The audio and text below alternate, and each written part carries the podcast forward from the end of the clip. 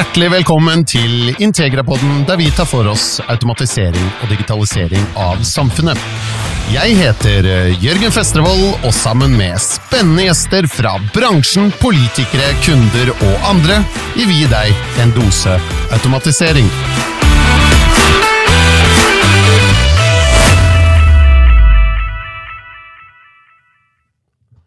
Hjertelig velkommen til Integrapodden og nok en dose automatisering. I denne dosen skal vi ikke snakke om teknologi direkte, men heller om hvordan nye teknologiske løsninger og såkalte grønne næringsbygg kan påvirke den finansielle verdien av bygget.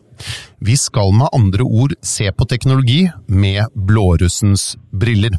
Og med oss til å diskutere de finansielle implikasjonene av teknologi, har vi fått med oss Nordens desidert beste transaksjonsmegler, founder og partner i Pangea Property Partners, Bård Bjølgerud. Hjertelig velkommen til Integrapodden, Bård.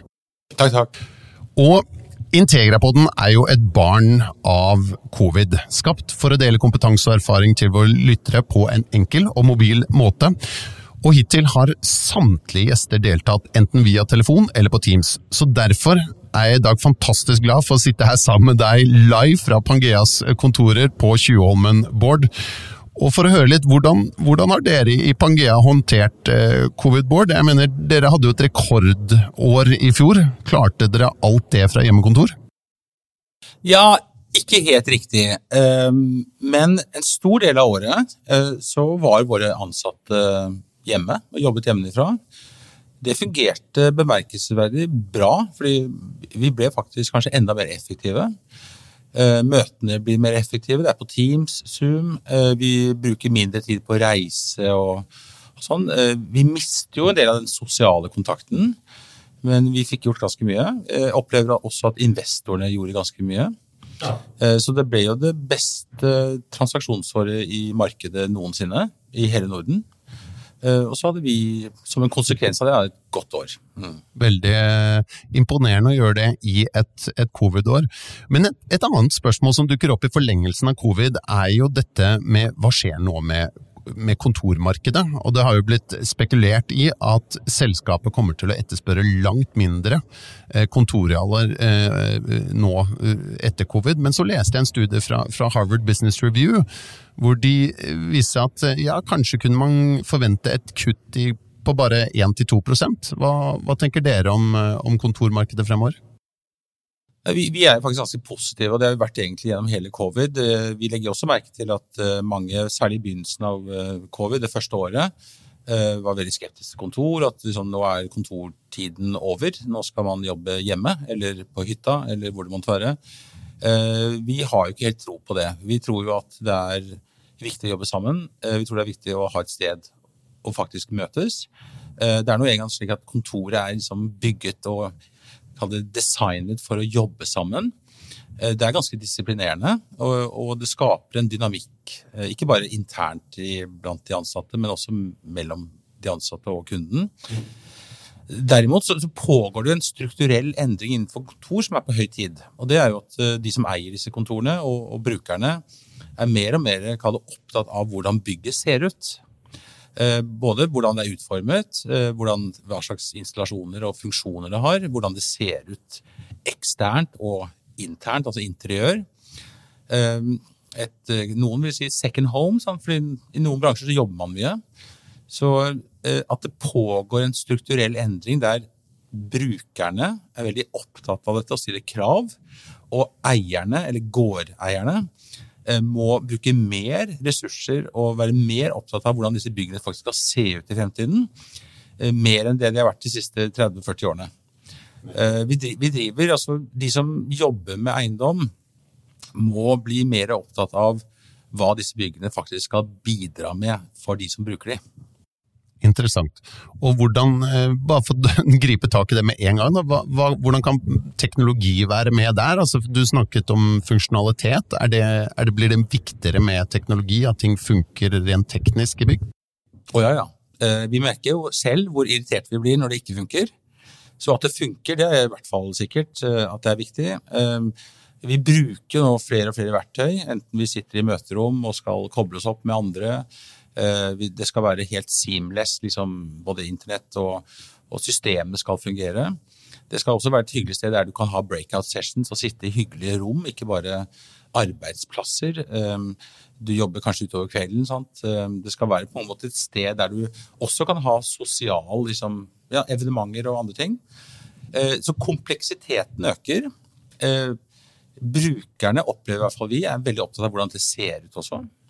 Eh, til og med når det gjelder kunst og treningsrom og som tilleggstjenester til de ansatte for også å tiltrekke seg dyktig arbeidskraft som, som det er beinhard konkurranse om. Da.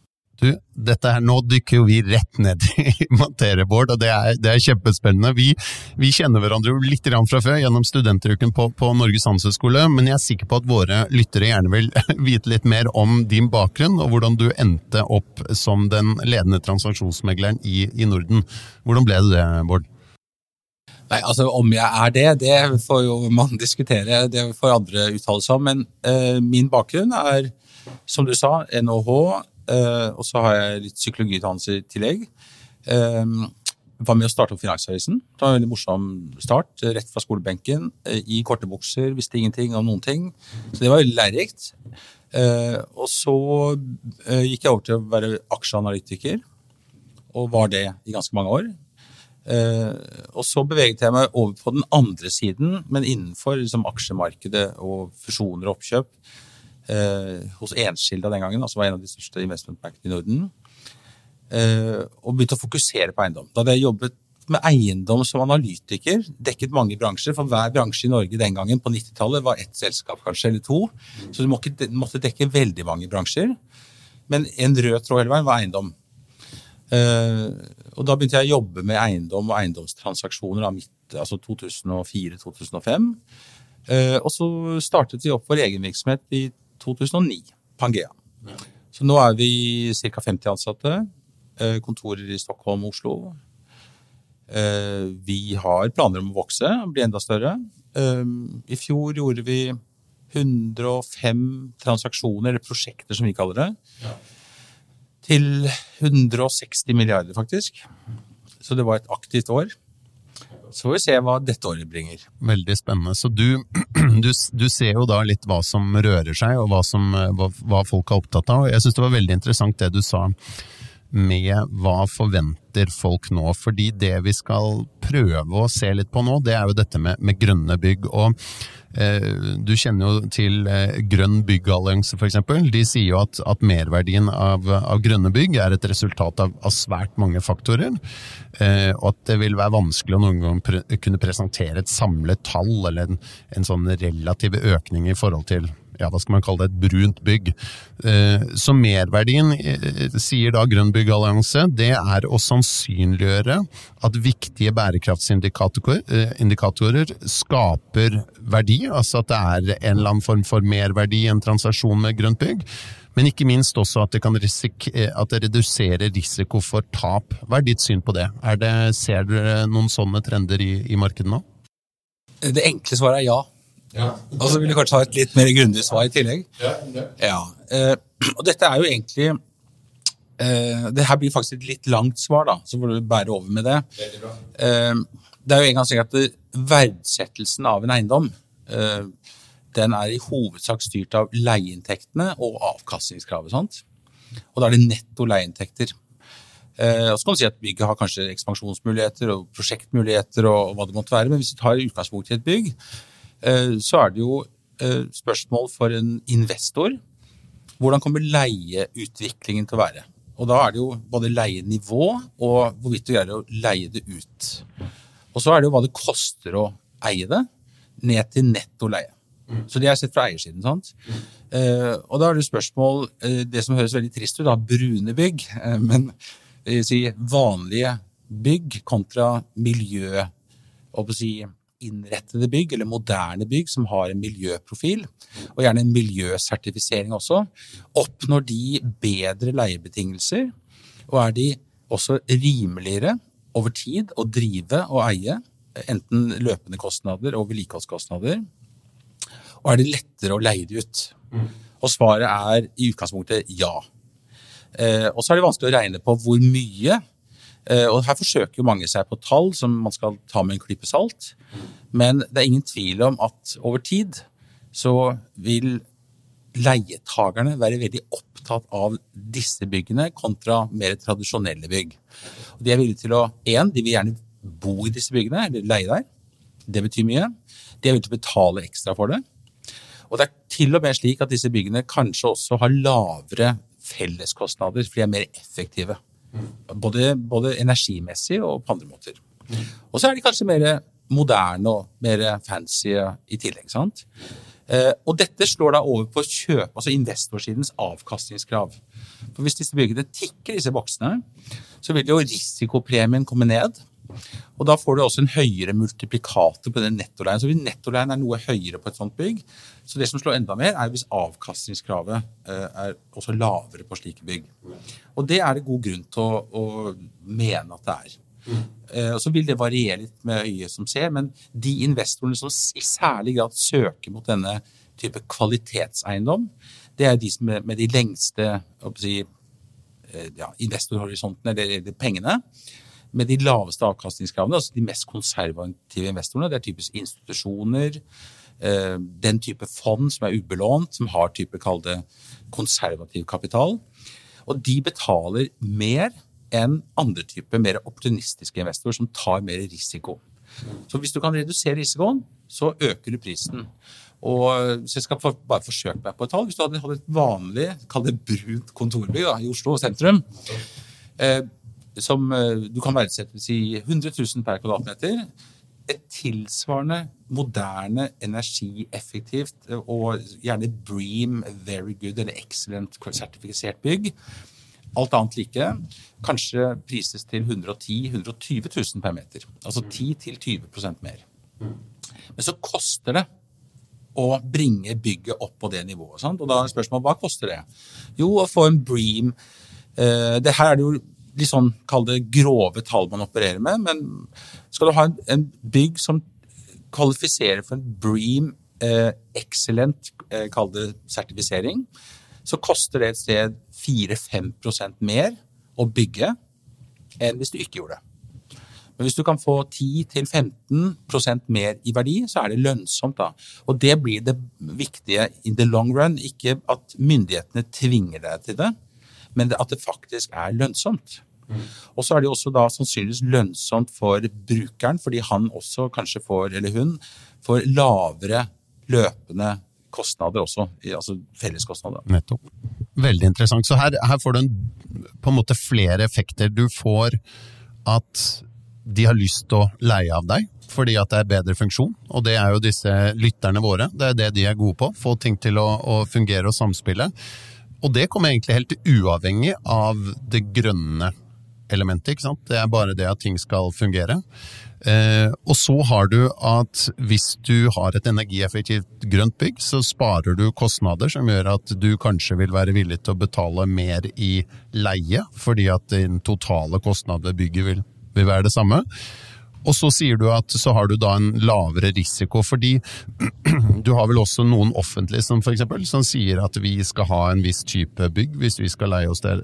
Og det, det gjør vel også at hvis du er veldig brynt da, eller konvensjonell, så kan det være en del leietagere du ikke kan få. Og det er jo eh, en risiko. Er det omtrent eh, Ja, det er riktig. Og offentlig sektor leder ofte an ved å stille krav som de selv må praktisere. Sant? De må liksom lead by example. Og så når dette ut til andre typer, kall det leietagere, bransjer, finanssektoren, institusjoner, store virksomheter som ønsker å ha en miljøprofil. Og så har du EUs taksonomi som slår inn, der du også skal rapportere på de sånn, kall det eh, energi, kall det eh, ratio. Da, sant? Eh, og dette er jo også krav som stilles også mot investorer i økende grad. Sant? Og dette implementeres nå gradvis fra og med i år. Eh, det gjelder jo alle børsnoterte selskaper, det gjelder hele finanssektoren, og det gjelder alle selskaper med mer enn 500 ansatte. Og så vil det etter hvert sannsynligvis gjelde flere enn det også. Så dette kommer jo. Og det kommer fortere enn man aner. Og det treffer også finansieringsmarkedet eh, kraftfullt.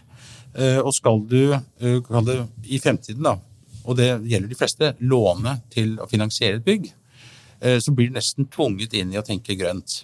Mm. Grønne lån, sant? grønne obligasjoner, altså sustainable bonds osv. Og, så og klart tar du bare DNB i Norge, deres næringseiendomsportefølje de har en målsetning at i hvert fall halvparten av den skal være grønn finansiering innen 2025. Og DNB er jo ikke alene. Dette gjelder jo alle. sant? Og så kan du si at fra, fra investors ståsted, når du skal ut og låne, så får du tilgang til et mye større lånemarked hvis du har en grønn profil. Men så må du jo, må du jo investere litt ekstra. Du får litt lavere finansieringskostnad, men du må investere litt mer i bygget for å oppnå det. Mm. Ja, for Jeg leste at Kristian Ringnes og hans eh, eiendomsselskap Eiendomsspar de kunne spare 0,05 prosentpoeng ved å etterleve en liste med, med sånne ESG-krav. Eh, og det tror du det er en realitet som kommer, at du rett og slett får, eh, får lavere rente i bankene ved å ha grønne bygg? Ja, altså, jeg tror til og med Christian sa vel at eh, det var ikke så store besparelser. Noe var det jo, sant? og det er disse små punktene, og det er ikke de store tallene. Og det blir jo fort borte i de tiltakene du må uh, levere på. sant? Uh, så det går kanskje butt-butt. Um, I tillegg så er det en del administrasjon og sånne ting. Så, så hvis det bare er to, tre, fire punkter på lånemarginen din, så er det ikke så veldig mye å spare. Uh, men det kan være viktig for et selskap å vise at de faktisk kvalifiserer til å få slike grønne lån. Sant? Det er litt sånn profiling, branding av selskapet. Um, men eh, vi har sett eksempler på vesentlig større besparelser, altså opptil 20-25 punkter. Her er Sverige eh, kanskje den ledende i Europa når det gjelder grønne obligasjoner. Ligger helt i frontlinjen. Eh, mye større innslag av altså, grønn eh, låneprofil blant eh, eiendomsselskaper, og det er mange av de. Det er ca. 70 børsnoterte svenske eiendomsselskaper. 600 milliarder i børsverdi. Så det er ganske stor sektor. 60% av obligasjonene som disse selskapene liksom utstedte da, i 2021, 60% var grønne lån. Eh, de får jo til og med av, av Nasdaq, altså børsen i Stockholm, eh, nå diplomer. slik at det er veldig fokus på dette, og det premieres. Og Så får man da oppmerksomhet. Og de da som ikke har grønne lån, de blir jo da hengende etter. Det blir liksom eh, sinkerne. Men du tror at EUs taksonomi som nå kommer, at det vil en, bli en ganske viktig driver i, i dette markedet? Ja, det, det, er ingen tvil om. Altså, hvis vi går fem, seks, syv år tilbake, så snakket vi mye om miljø, og, og noen investorer sa at de var veldig opptatt av det. Eh, uten at de kunne liksom håndheve dette annet enn at de så etter visse deler av bygget. Men det var ikke noe sertifiseringssystem som fungerte, og det var ikke satt i system i det hele tatt. Eh, nå er det jo satt i system, og nå kommer det. Eh, og nå kommer det som en tsunami, og du må bare forholde deg til det. Og, og taksonomien, systemet, implementeres jo fra og med i år. sant? Og så skal man ikke overdrive effekten av det på, liksom, på verdsettelser og, og, besparelser. Eh, fordi vinningen kan fort gå litt opp i spinningen. Men som en moderne, som dynamisk eiendomsaktør, så kan du ikke se bort fra dette her. Men jeg syns det er interessant, for det du sa ok, så kostnaden ved, ved å altså, være på Bream type excellent, ganske høyt nivå, var kanskje 4-5% Og Likevel så er det jo mange av, av disse våre lyttere da, i, i, Integra som opplever ganske kraftig pris, eh, altså press på pris, når det egentlig for de som eier byggene, betyr veldig lite. Og, og, da må vi også huske på at deres andel av disse 4-5 prosentene er eh, veldig liten igjen, ikke sant. Så, så, så eh, er det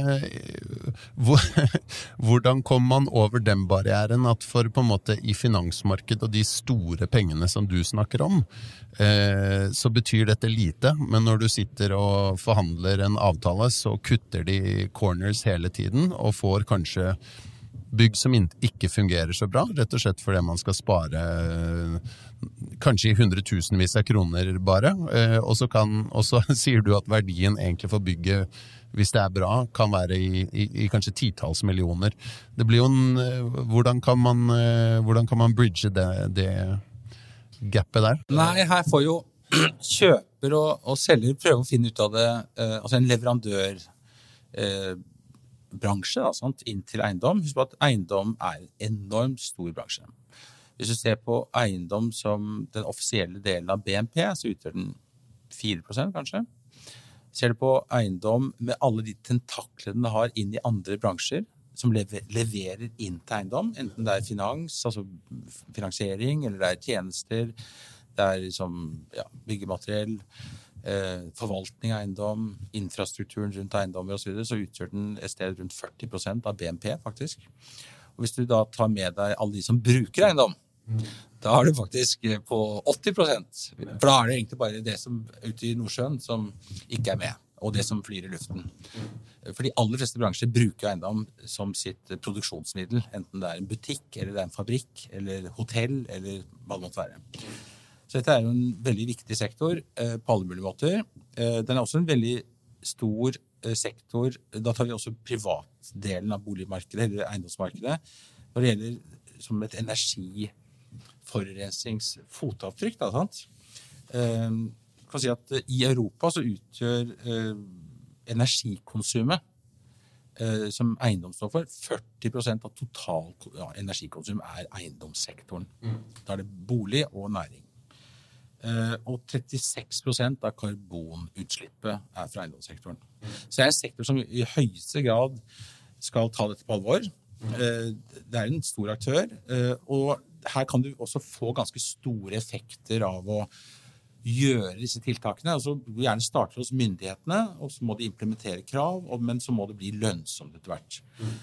Og da tenker jeg at når en leverandør forhandler med en gårdeier, eller en, en entreprenørvirksomhet forhandler med en eiendomsutvikler hva ting skal koste, så får de ta den forhandlingen uten at jeg skal blande meg inn i den. Eh, og hva man da vil investere i og droppe, og hvordan man prøver å tune til dette skal det bli et lønnsomt prosjekt. Eh, det tenker jeg også de får finne ut av, men det er veldig gode argumenter for gårdeier å investere i disse tiltakene. Det er det ingen tvil om. Og, det, og leverandørene er sikkert også veldig klar over dette. Det som er en fordel nå, det er at eiendomsprisene har gått betydelig opp. Så det å utvikle eiendom har blitt mye mer lønnsomt. Det betyr også at de som utvikler eiendom, har råd til å investere litt mer. Det ser vi også på rehabiliteringsmarkedet. At bygg som typisk hadde stått og forfalt i et normalmarked, nå får en facelift fordi han som eier bygget, han har råd til det. For han vet at det er innvandrende å gjøre det. Da må, jeg, da, da må, jeg, ta en annen ting. For det, er jo Vi snakket om uh, Bream, uh, som jo er et, et sertifiseringssystem. Men hvor viktig er det at bygg faktisk reelt sett leverer? Og det de, og det, at det er mer enn altså det vi kaller greenwall, eller grønnvasking da, av byggene, er investorene blir de mer opptatt av at ting faktisk fungerer som, som, som, forventet, eller at de bare har et sertifisering av at vi tror det? For det, det har vel vært tilfeller av bygg som har fått bra score, og så viser det seg i drift at det faktisk ikke fungerer, fordi systemene ikke er innkalibrert, og ting fungerer ikke sånn som, sånn som Integras medlemmer eh, kunne, kunne bidra til. Er, begynner det også å bli viktig? Ja, det, det, Vi er på vei opp en lærekurve. Eh, der det begynner med liksom, hva skal jeg gjøre for å få dette sertifikatet eller denne diplomen eller dette stempelet. sant? Eh, og så begynner kunnskapen å komme opp ganske mye, og man stiller kritiske spørsmål til liksom, er dette gode tiltak, er dette riktige, hvordan fungerer det faktisk. Sant? Og vi bruker mye tid på det når vi jobber i transaksjoner, enten vi er på kjøpersiden eller på selgersiden, er jo å se på bl.a. driftskostnadene for å analysere de over tid. Eh, og så er ikke vi verken ingeniører eller sånn teknisk utdannet, så det er det andre som bistår oss med det. Men det er jo å forstå hvorvidt dette faktisk fungerer optimalt. Og vi sammenligner da eh, det bygget vi jobber med, eller den porteføljen, med andre tilsvarende bygg. For å se om dette er bedre eller dårligere. Og det vil jo av og til være en red flag, som det heter. Altså hvis det er dårligere. Eh, her er det noe som blir borte på veien. Sant? Det er, det er det brukes veldig mye energi, f.eks. Eh, altså energikostnadene er veldig høye. Man bruker veldig mye penger på vedlikehold. Er, der ligger en liten sånn hund begravet ved at eh, hvorfor bruker du så mye? Jo, for vi er nødt til hele tiden å reparere og fikse og ordne. Vel, det er et svakhetstegn. sant? Sånne ting bruker vi ganske mye tid på for å forstå. Fra våre enkle blårusbriller, men med hjelp av folk som, som har teknisk kompetanse. Så det, det syns jeg egentlig var en fin sånn oppsummering. At, eh, at vi beveger oss faktisk i en retning hvor det finansielle faktisk kan drive fram økt etterspørsel etter gode, velfungerende løsninger, som, som Integras medlemmer blant annet, eh, bidrar med. Og det er jo en veldig positivt, så det var, det var nyttig å få med oss. Eh, så, så jeg syns det var et bra sted å putte, eh, sette punktum for, for, denne dosen. Men før vi runder av, Bård, så, så har jeg et spørsmål. Fordi denne poden handler mye om digitalisering og, og automatisering. Hvis det var noe du kunne digitalisere eller automatisere i ditt privatliv, Bård, hva hadde det vært? Ja, Det er jo vanskelig å svare på. Man kunne sikkert sånn svare en, en app som ryddet hele huset. Eller sånt. Men, men kanskje, kanskje, eh, det kommer etter hvert, tror jeg. Eh, et sted der du har alt det du er opptatt av, uh, istedenfor å ha 100 apper og hoppe fra det ene til det andre, og fra en mobil til en iPad til en PC du hadde alt ett sted. Det hørtes fantastisk ut, Bård.